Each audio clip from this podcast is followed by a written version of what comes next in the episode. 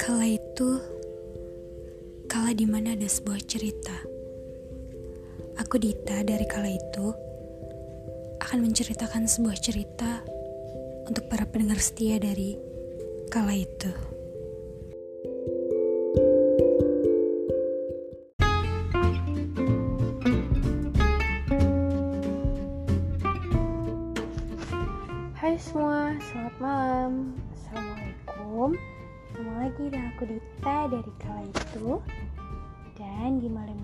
Aku mau cerita tentang pengalamannya temen kecil aku. Jadi cerita ini uh, based on true story-nya si teman kecil aku ini. Namanya Dini.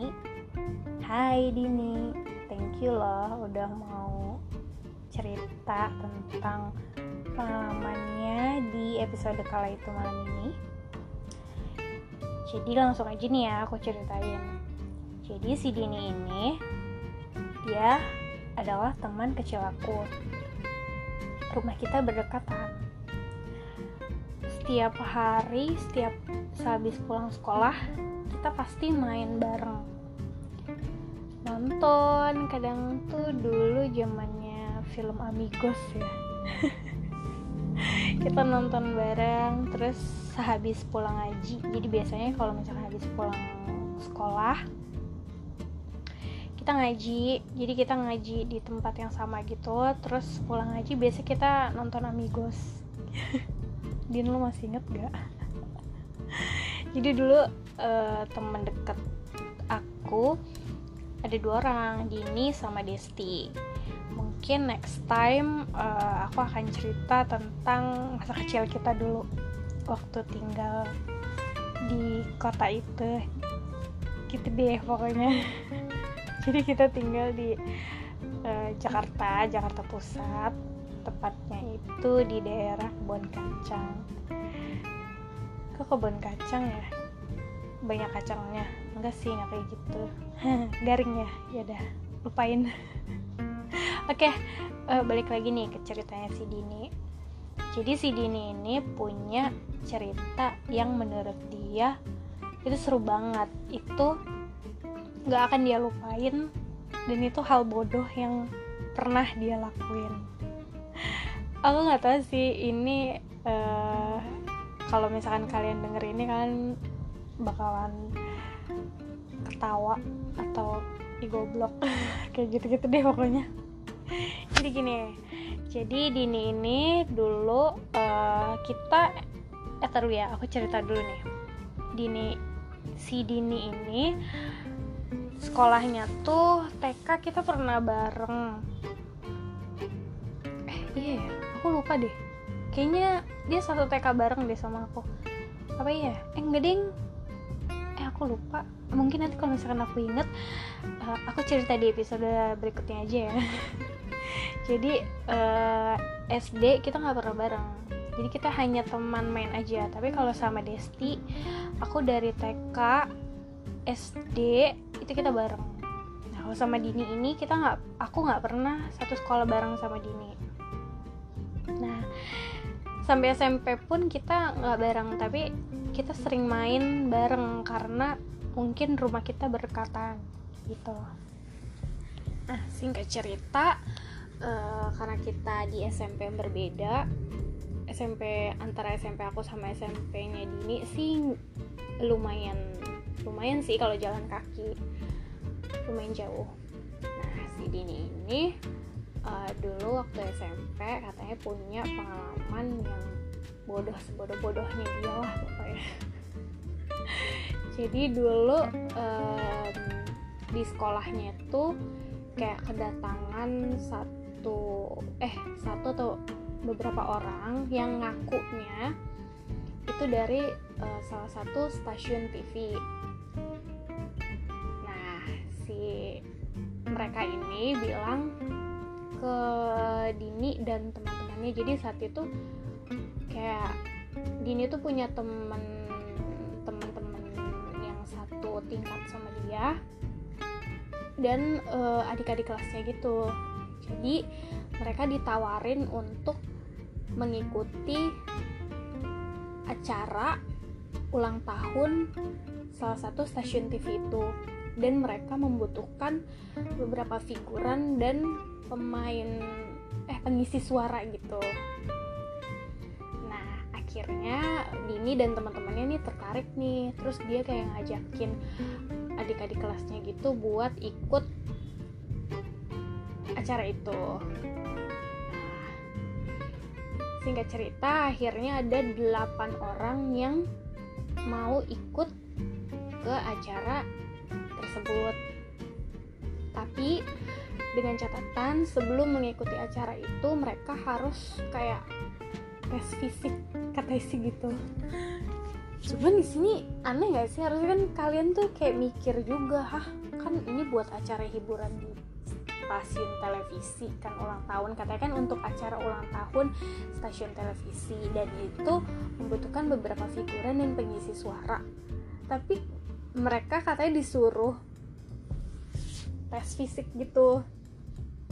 Nah tes fisiknya kayak gimana? Jadi ntar dulu nih aku sebelum ngejelasin tes fisiknya kayak gimana aku kasih tau detailnya dulu nih jadi setelah si beberapa orang yang mengaku dari salah satu stasiun TV itu mendatangi sekolahnya Dini terus ngasih tahu ke teman-teman Dini dan ke teman-temannya kemudian uh, juga adik-adik kelasnya Dini kayaknya uh, mungkin kayak sekelompok dulu kayak cheers mungkin kayaknya atau sekelompok apa sih ekskul kayaknya ya nah terus singkat cerita akhirnya mereka diminta untuk datang ke uh, suatu daerah namanya daerah Bojonggede. Jadi mereka datang ke sana katanya untuk uh, latihan tes fisik. Eh latihan ya. Jadi mereka kayak ada tes fisiknya gitu deh. Di mana-mana kan kalau misalkan yang berhubung, berhubungan dengan stasiun televisi yang mana itu kan kayak dunia hiburan ya. Aturan kan bukan tes fisik dong, maksudnya logikanya tes apa sih casting mungkin kayak gitu-gitu kan ya aku nggak ngerti mungkin pikiran anak SMP saat itu eh gila gue mau diajak ke acara ulang tahun stasiun TV nih. Wah gue entertainer nih masuk TV jadi ya udah ikut-ikut aja gitu kan.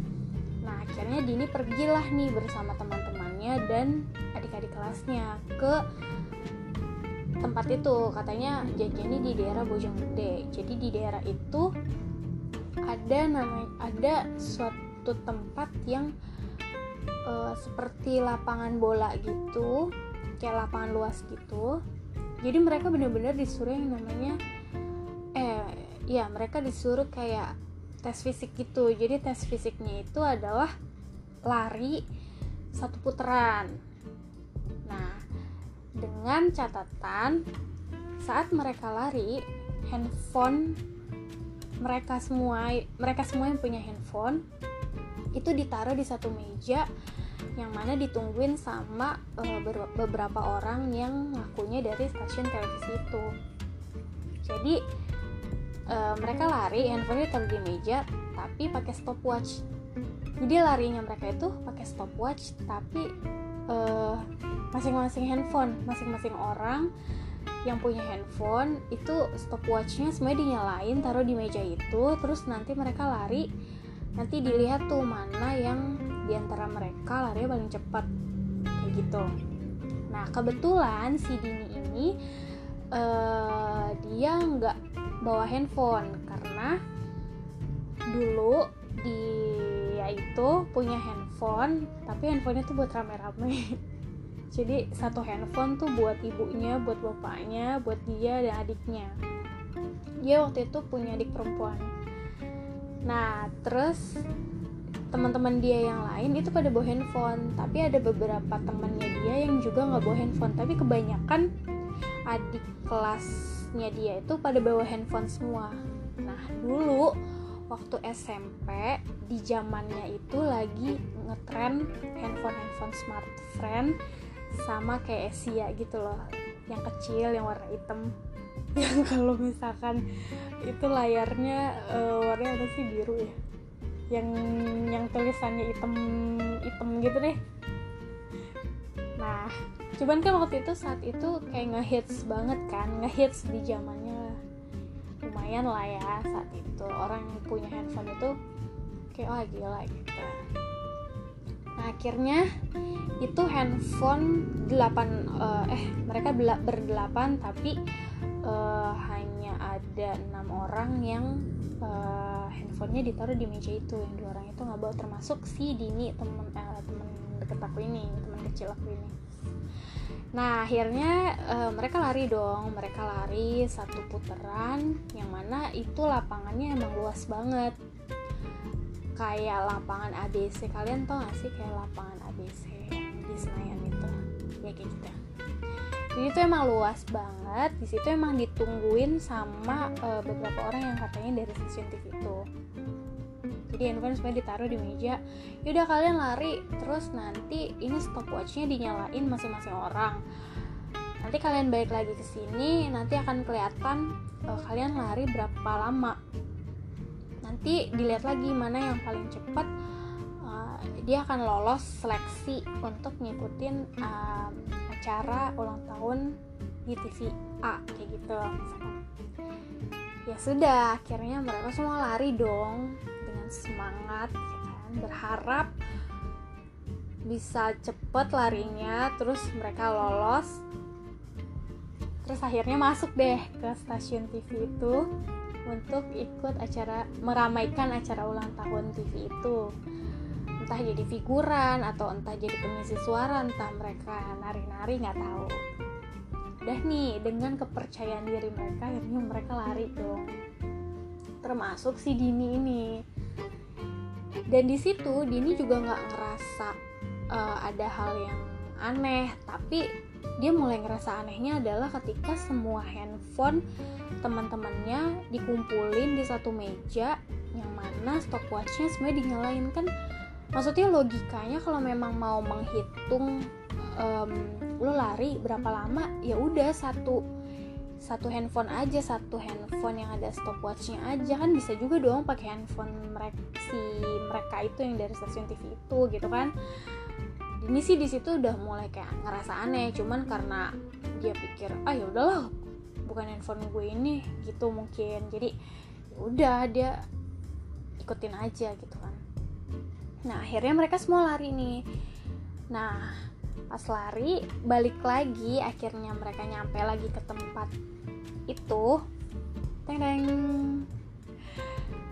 Tahu nggak apa? Ternyata sekumpulan orang itu yang katanya dari stasiun TV itu tiba-tiba menghilang ditelan awan hitam. Jadi si orang-orang itu tiba-tiba hilang, mereka mereka kabur dengan membawa semua handphone teman-temannya Dini.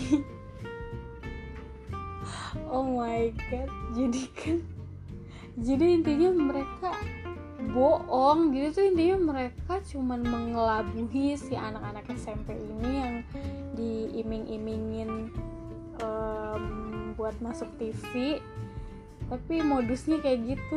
Oh my god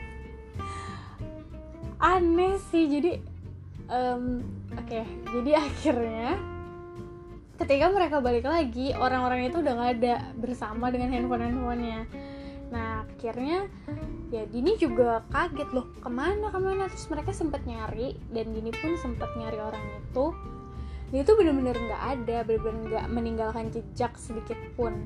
Dan mereka pun mau coba buat menghubungi handphonenya masing-masing. Kan mau ngubungin pakai handphone siapa tuh handphone kan semuanya udah pada diambil dan saat itu Dini juga nggak punya handphone.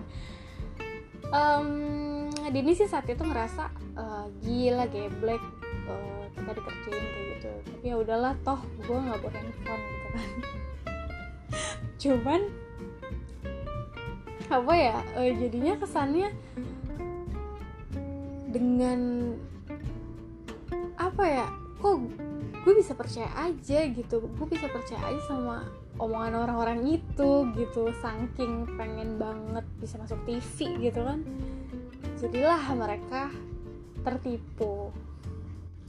Nah di sini si pelajaran yang berharga uh, buat Dini sendiri ya dia beruntung sih. Dia beruntung karena um, orang tuanya dia nggak pernah ngizinin dia untuk bawa handphone ke sekolah. Jadi pelajarannya adalah uh, ya udah ada bagusnya gitu loh. Gue nggak dibawain handphone sekolah. Ya mana tahu ada kejadian-kejadian kayak gini kan. Akhirnya